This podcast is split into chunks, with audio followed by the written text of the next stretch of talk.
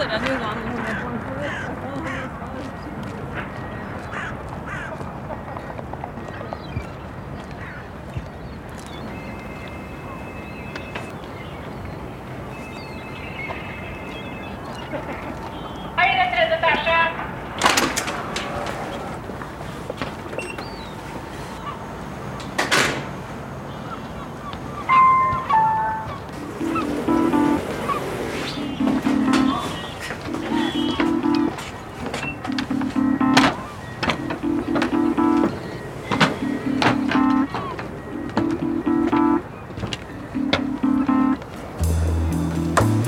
Kråker er utrolig flotte fugler. Og så er som sagt skjæra. Hvis du begynner å se på fargene på skjæra, og begynner å tenke over hvor eksotisk den egentlig er. Med stor, veldig markerte farger. Og så er det jo, hvis du ser på det svarte, så er jo ikke det svart. Det er jo skinnende grønt og skinnende turkist og veldig sånn flott fargespill. Jeg mener jo alt dette helt uten ironisk distanse.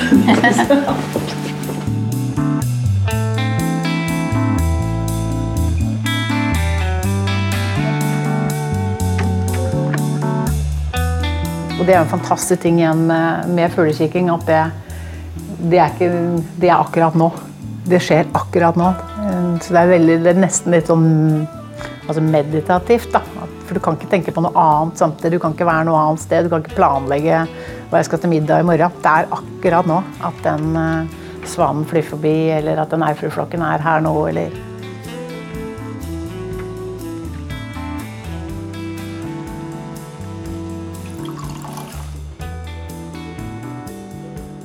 Her er det ikke lov å mate fugler i det hele tatt. Eh, Og det har jeg jo brukt litt tid og krefter på, på å være lei meg for. Men jeg skjønner det også. Fordi at hvis du først begynner her, så, så ville det jo bli trafikk. Jeg heter Marianne, eh, Marianne Hagen, og jeg er eh, 52 år. Jeg bor på Sørenga. Akkurat, eh, jeg bodde her i to år. Flyttet fra villa i Asker. Stor tomt, mye trær, mye fugler. eh, Stor utsikt. Og til, til liten leilighet midt i byen. Og så er jeg statssekretær for Høyre i eh, Utenriksdepartementet.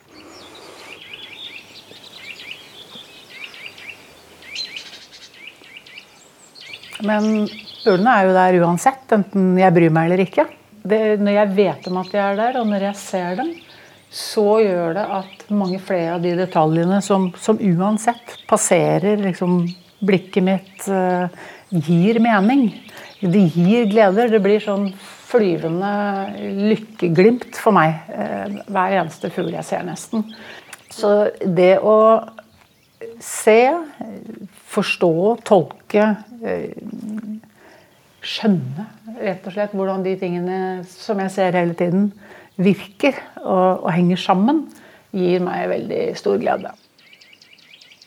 Fra vi var helt små, så gikk jo våre sommerferier. Vi ferierte på Ørland utenfor Sverige. Eh, og der, Det er jo et fantastisk naturperle. Da så vi på fugler på morgenen og på ettermiddagen. Og så så vi på, på blomster eh, og planter i hele dagen når fuglene var, var roligere. Så sånn gikk nå dagene, og dette har vi på en måte alltid, alltid holdt med på. Vi var på Årnestangen og så på fugl, vi var på Fokstumura og så på brushaner. Det var liksom alltid en del av, av alle våre fellesopplevelser, rett og slett. Farfaren min var veldig interessert i, natur, fugler. Jeg fikk min første fuglebok. Han skrev alltid sin fuglebok alle observasjoner med penn. Og det samme gjør jeg i alle mine fuglebøker. Den første fugleboka fikk jeg av han. Så kanskje en sånn uh, liten fuglekonge på en sånn lav juletregranbusk juletre-granbusk var en av de første tingene som jeg virkelig husker. Men det var mer det at det er en lang lang rad av sånne enkelt fugleobservasjoner som jeg husker, og som har gjort inntrykk på meg. Og så er det hele den at det bare er en del av altså Det er der blikket mitt hviler. Uh, I hver dag. Alltid. Når jeg er i, enten jeg sitter i ro eller er i bevegelse. Så jeg må alltid si til folk at det er ikke det at jeg ikke er interessert i, i det vi snakker om, eller i deg, uh, når blikket mitt vandrer. Det er bare at det, det var noe jeg måtte se på samtidig. Så jeg vil ikke si at det henger sammen med én ting. Det henger sammen med en måte å se verden på, rett og slett. Eller en måte å gjøre observasjoner på. For meg ligger stor glede i det med identifikasjon. Jeg vet at det er den fuglen. Eh, og det at jeg liksom kan identifisere den sånn. Da har jeg egentlig sett nok i mange tilfeller. Det er bare gleden av å vite hva alt sammen er, hva det heter. Så Det er det ene. Og det andre er hvis jeg har mer tid og mer anledning til, eh, til å observere dem, så er de jo veldig de er jo artige. De, de har jo masse personlighet. Sånn, jeg har jo selvfølgelig hatt mye fuglebrett på, på Billingstad, der vi bodde før. Og det å se på liksom, personligheten og typen og den Dompapen f.eks., som høres ut til å være en dum fugl, det er det jo ikke, men det er en skikkelig sånn bølle. Den jager de andre fra brettet og er, liksom, blåser seg opp og er liksom, ordentlig egentlig ufordragelig. Og bitte små sånn blåmeisen som er sånn liten og forsiktig og passer på å vente på tur. Og, så de har veldig personlighet, både sånn på individ, men også på liksom, typen. Så det syns jeg er morsomt å observere. Jeg synes de de minner om folk. De minner om folk jeg vet hvem er. Jeg kjenner en liksom sånn personlighetstrekk. Så det syns jeg er morsomt. Og så syns jeg det er utrolig morsomt å, å, se noe jeg ikke har sett før. Eh, og aller morsomst er det hvis jeg ser noe jeg ikke har sett før, men som jeg vet nøyaktig hva er. Fordi at jeg har sett den og lest den uh, i fuglebøker mange mange ganger. Så jeg kan bare si at ah, der er det en Paradise Flycatcher, f.eks. Ennå det er første gangen jeg ser den.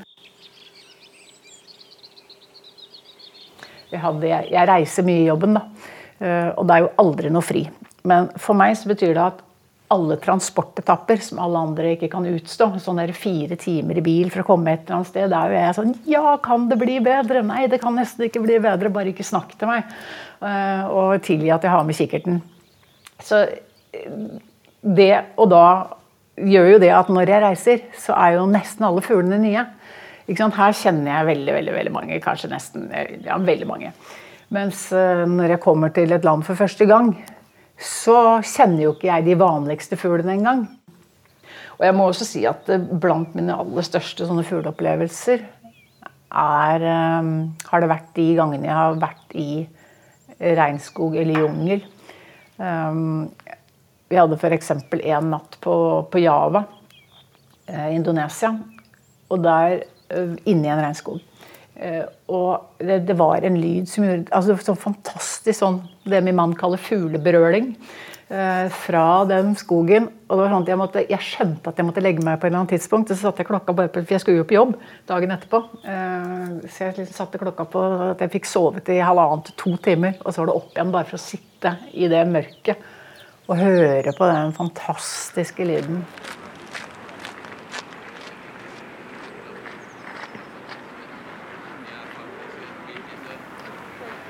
Altså, jeg, synes, jeg, jeg, er veldig glad i kråker. Jeg er veldig glad i Både kråker og skjære synes jeg er fantastiske fugler. Um, og hvis du begynner å se på de kråkene som du går forbi på gata, da, som, eller duer for den saks Jeg er ikke så fascinert av duer, men jeg gikk og tenkte på den når jeg gikk fra Oslo S i stad. Da, det plutselig en due som bare, da kom alle menneskene av Skienstoget. Uh, og så går det da bare en due liksom, midt iblant oss. Uh, bare en meter fra, fra beina til alle, uten å bry seg, og minding its own business. Og da tenkte jeg, da var han litt sånn på farta, sånn som oss. da.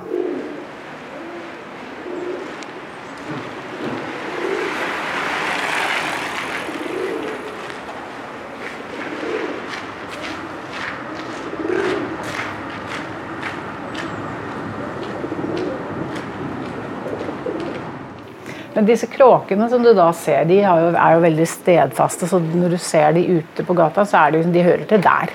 Eh, og de passer på det fortauet. Og så er det en annen litt lenger bort, og han passer på det fortauet. Og all mat som detter på dette fortauet er hans, så du skal ikke gå for nære hvis det ligger noe på bakken. Og så, hvis du har tid til å sette deg ned litt da og se på, så er det jo, det er jo, kan jo være en flott mann i frakk. Eh, med en stor personlighet, og du ser at han er liksom det er jo lett å se, Hvis du sammenligner med katter, så ser du, liksom, du ser jo liksom om det er sjefen i gata, eller om det er en liten forsagt kattefrøken. Og sånn er det med med, med kråkefugler også. Da. Noen, liksom, noen ruler. Det er noen som, som eier dette området, og, og, passer, og, og de bryr seg ikke noe om oss. Og det syns jeg også er litt sånn fascinerende at, eh, at sett det kråkeperspektivet, da, så er det jo hans by. Det er hans gate.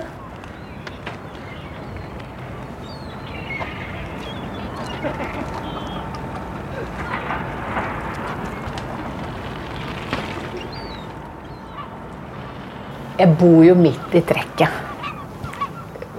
Dette er korteste avstand. Folk, disse fuglene kommer jo fra syd i Afrika og skal til Nordkapp eh, eller lenger. Eh, Svalbard. Eh, det letteste stedet å passere Oslofjorden. Smaleste, tryggeste stedet er å følge Nesoddryggen. Krysse over her, og så fortsette nordover. Så kikkerten min er rett bak deg. Fugleboka er rett bak deg. Her kan jeg følge med på, på alt, som, alt som foregår. Så vi visste hvor vi skulle flytte, og når vi da gikk inn på nettet, så var det igjen måte, to leiligheter som var aktuelle for oss. Og da var det bare å ringe banken og si at eh, nå skal vi bli gjeldsslaver for alvor. Og så satse. Så vi skal bo her i 20 år, er planen. eh, Til jeg skal gå om pensjon. Og da har vi tenkt at vi skal være gjeldfrie. Eh, Og så får vi se.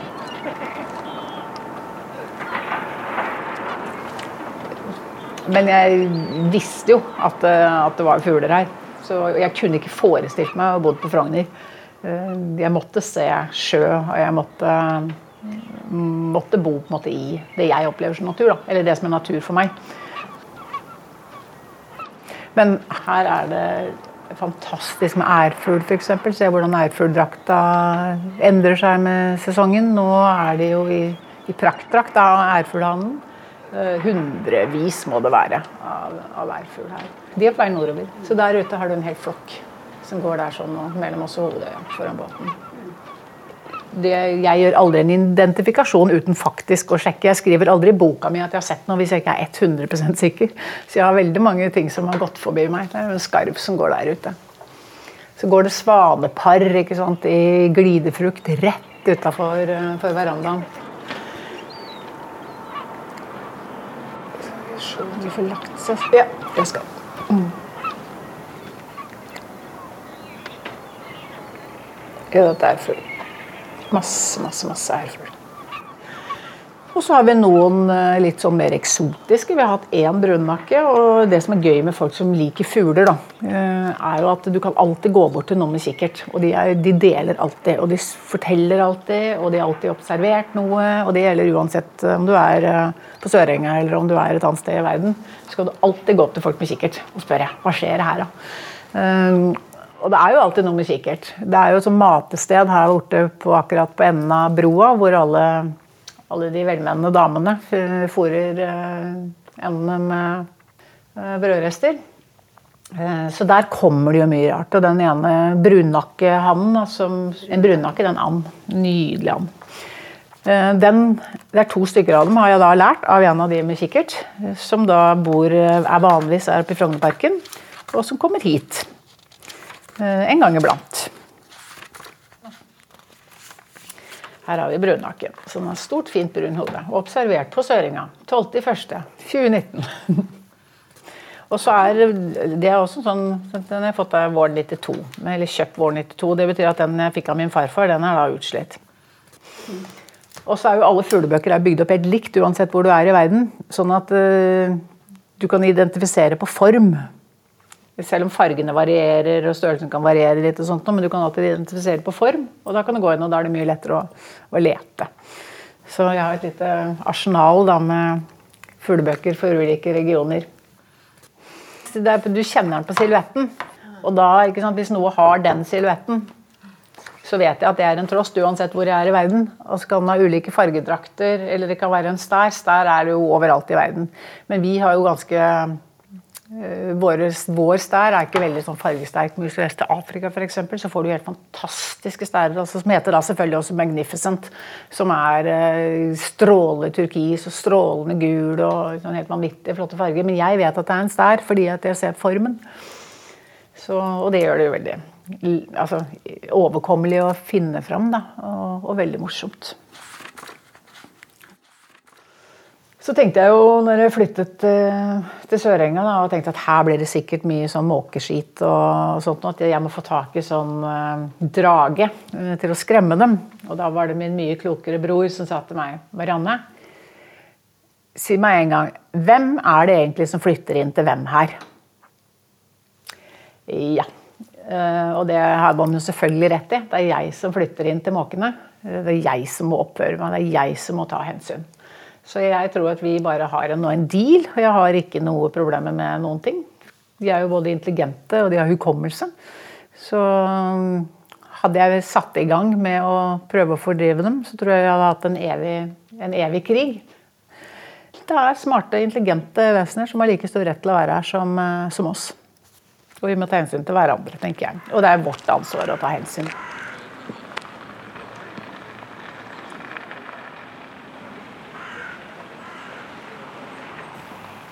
Så der ser du to kråker som leker. Altså, det var det ikke noe veldig gøyale. Men det er jo veldig mye sånn der lek, og så er det mye vind her opp langs fasadene. Og så kommer måka etter kråka, og så slåss de om mat. og så Det er liksom så veldig mye sånn akrobatikk.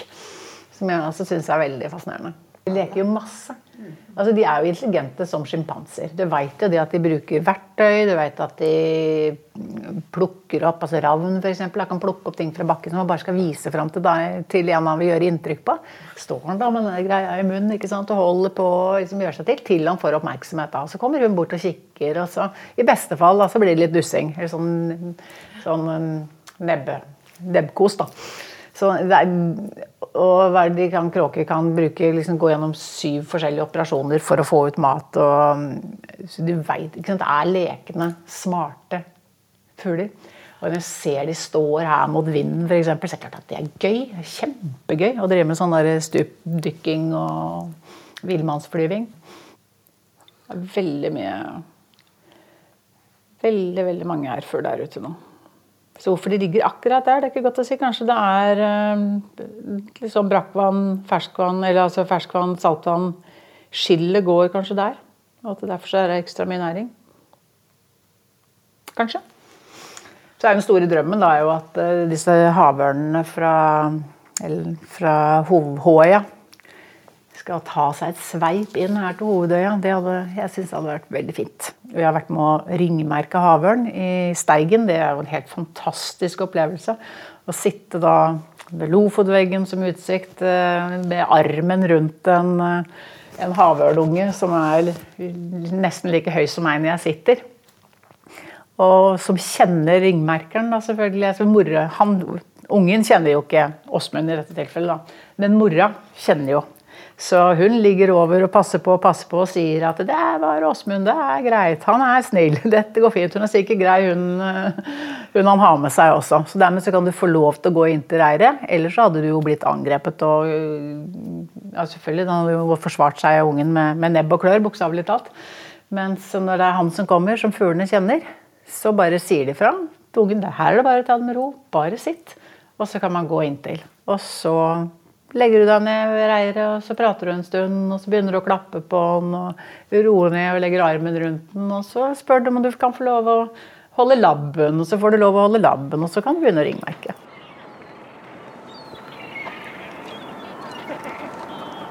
Det er, fugler er helt fantastiske dyr.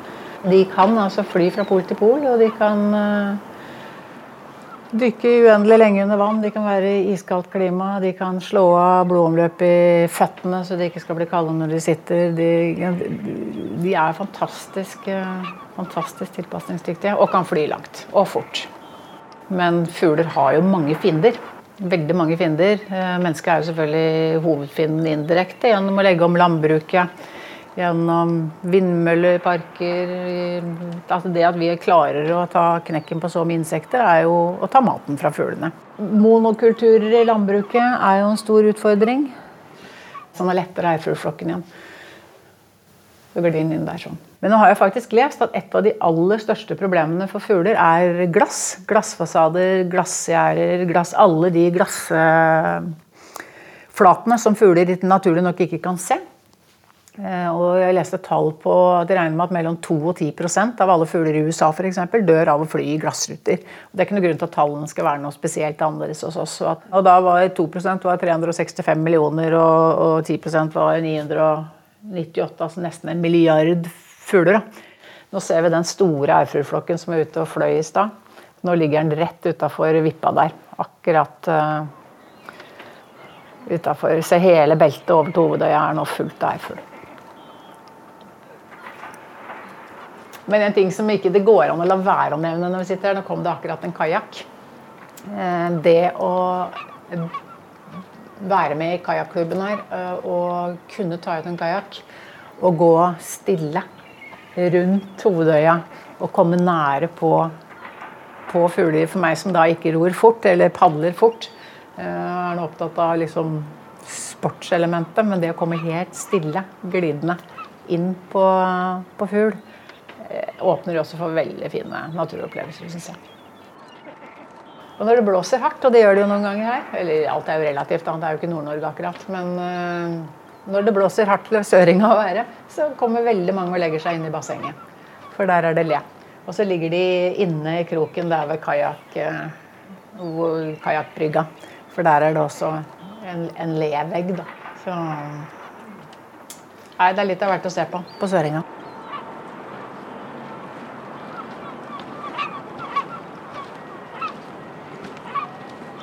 Jeg hadde en uh, fugleopplevelse faktisk med sånne spurver. For jeg satt i, Vi har jo sol til halv elleve her. ikke sant? Så satt jeg, når jeg kom hjem fra jobben, så havner du jo bare akkurat på hjørnet der i den stolen der. Med sakspapirer og det jeg må, må jobbe med. Og et glass vin kan det jo være. Så kom det da to spurver. Så først så satt de på gjerdet. Og så kikka de på hverandre. Og så hoppa de ned på, på liksom plattingen her, da og kikka på hverandre. Så kikka de på meg. Og så satt jeg nå bare og så på dem. Og så satt de, kikket, så satt de, så prata de, og så hoppa de jo sånn teit framover. Og så, og så hoppa de, de opp på teppet der. Og så bare fortsatte de inn. Og så gikk de inn på kjøkkenet, så tok de noen matsmuler på kjøkkenet. Og så gikk jeg bare etter. Så tenkte jeg, vi ser hva de driver med. der. Og så satt de der borte litt og behandla det bare som de skulle være ute. Og så fløy de, så satt de på stolryggene her sånn. Og så tenkte jeg at nå jeg må jo slippe dem ut før det blir panikk, så jeg bare åpna døra der sånn, og så gikk jeg til siden, og så fløy de ut igjen.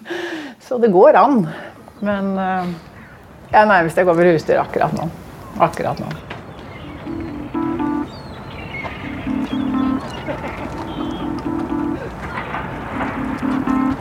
Min favorittfugl? Nei, det varierer veldig. Um, jeg, I mange år så syns jeg at, uh, at gråhegere var en veldig veldig flott fugl. Fordi at den, den bodde nedi Neselva. Først så husker jeg den godt fra min barndom. Og så hadde vi den nedi Neselva. Så det, i vår familie så heter det alltid en hegeredag er en god dag. Så hver dag du har sett en hegere, så er det en god dag. Sånn per definisjon. Men nå har jeg jo sett mye fint. Men jeg syns nok fuglekongen den, den, står seg, den. Og meisene de har sånne meisetog, så de jobber seg liksom oppover. De er alltid en flokk. da, Og så har de sånn veldig veldig, veldig, veldig tynne stemmer. Sånn bitte, bitte, bitte, bitte små stemmer. Så det, der hører jeg på lyden. Så fuglekongen og småmeiser de hører jeg når jeg, når jeg går mm, på hytta. da. Så jeg er veldig glad i høstferien, for da er det ingen unger og ingen mann og sånn som har tid til å være med meg. Så da går jeg bare hele dagen og, og har fri. Eh, og der det, går, må jeg gå i skog før jeg kommer opp på, la, eller på over skogbeltet. Og der er det mye meg som mye fuglekonge. Og de trekker da sånn opp, opp, og så hvis jeg bare stopper da og venter, så veit jeg at jeg får se. Og når de da endelig liksom Og de er så utrolig kjappe. Så du må liksom Og så kommer de der bitte, bitte, bitte, bitte, bitte små meisene. Da. Da, da blir jeg utrolig overstadig lykkelig. Så når jeg, liksom, jeg har sett fra meg, da, så som jeg ringer faren min 'Vet du hva jeg så?' Vet du hva jeg så? Så jeg tror kanskje at fuglekonge er eh, ja, det er i hvert fall fugl som gjør meg veldig lykkelig. Altså jeg hadde, jeg har jo vært mye på Fornebu, selvfølgelig, fordi at det var jo vårt nærområde. Men etter hvert da, så, så hadde jeg stor veranda på, på Billingstad også. og Så skjønte jeg jo etter hvert at de fuglene som jeg reiste til Fornebu for å se, de fløy jo over meg, og over min veranda, eh, på vei til og fra, til og fra Fornebu. Så egentlig så kunne jeg sitte på, på min egen veranda. Så der er den årsunge svane som kommer der som ikke har fått hvit drakt ennå. Så den blir hvit og pen nå i løpet av noen uker, tenker jeg. Så jeg fant egentlig ut at jeg kunne bare være der. Og der hadde jeg jo masse fuglebrett og stillitser og sidensvans og alle de store spettene. hadde de, haks, altså, de fins jo ikke noe hakkespett annet enn i Donald, men spettene. Flaggspett og grønnspett og svartspett. og alle de. Så det var veldig morsomt. Så da var de, var de rundt meg. Så slapp jeg å reise noe sted.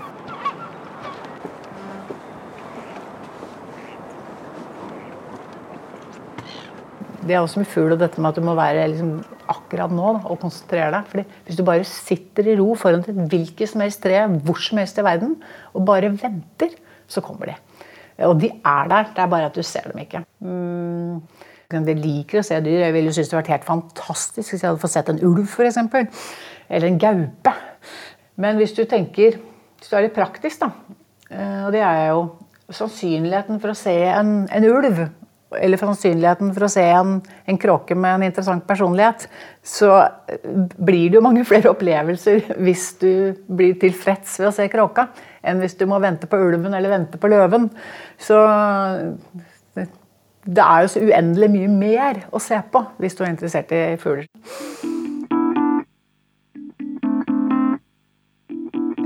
Men eh, hvis du er stressa, så kan du ikke se noen fugler. Eh, fordi at da, da har du ikke tid. Så du må liksom lande. Du må la blikket altså få sjans da, til å skjelne mellom et blad og en fugl og en kvist. Eh, og de, de, er ikke like. Men hvis du har dårlig tid, så ser du jo ingenting. Men hvis du har god tid, eller tar deg god tid eh, og ser etter, så ser du det med en gang. Fordi de har en annen form. Men hvis du bare går forbi, så gikk du glipp av noe.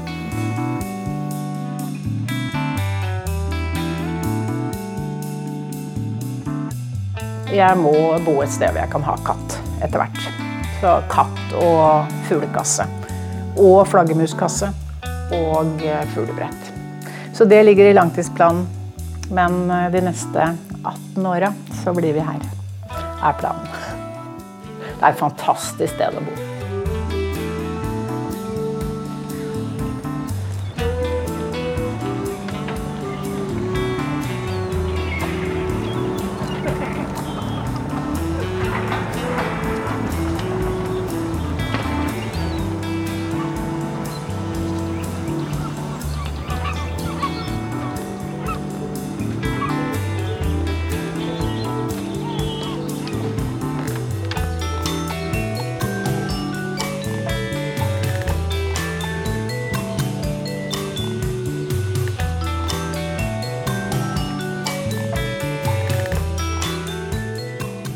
Vi se hva som kommer inn der.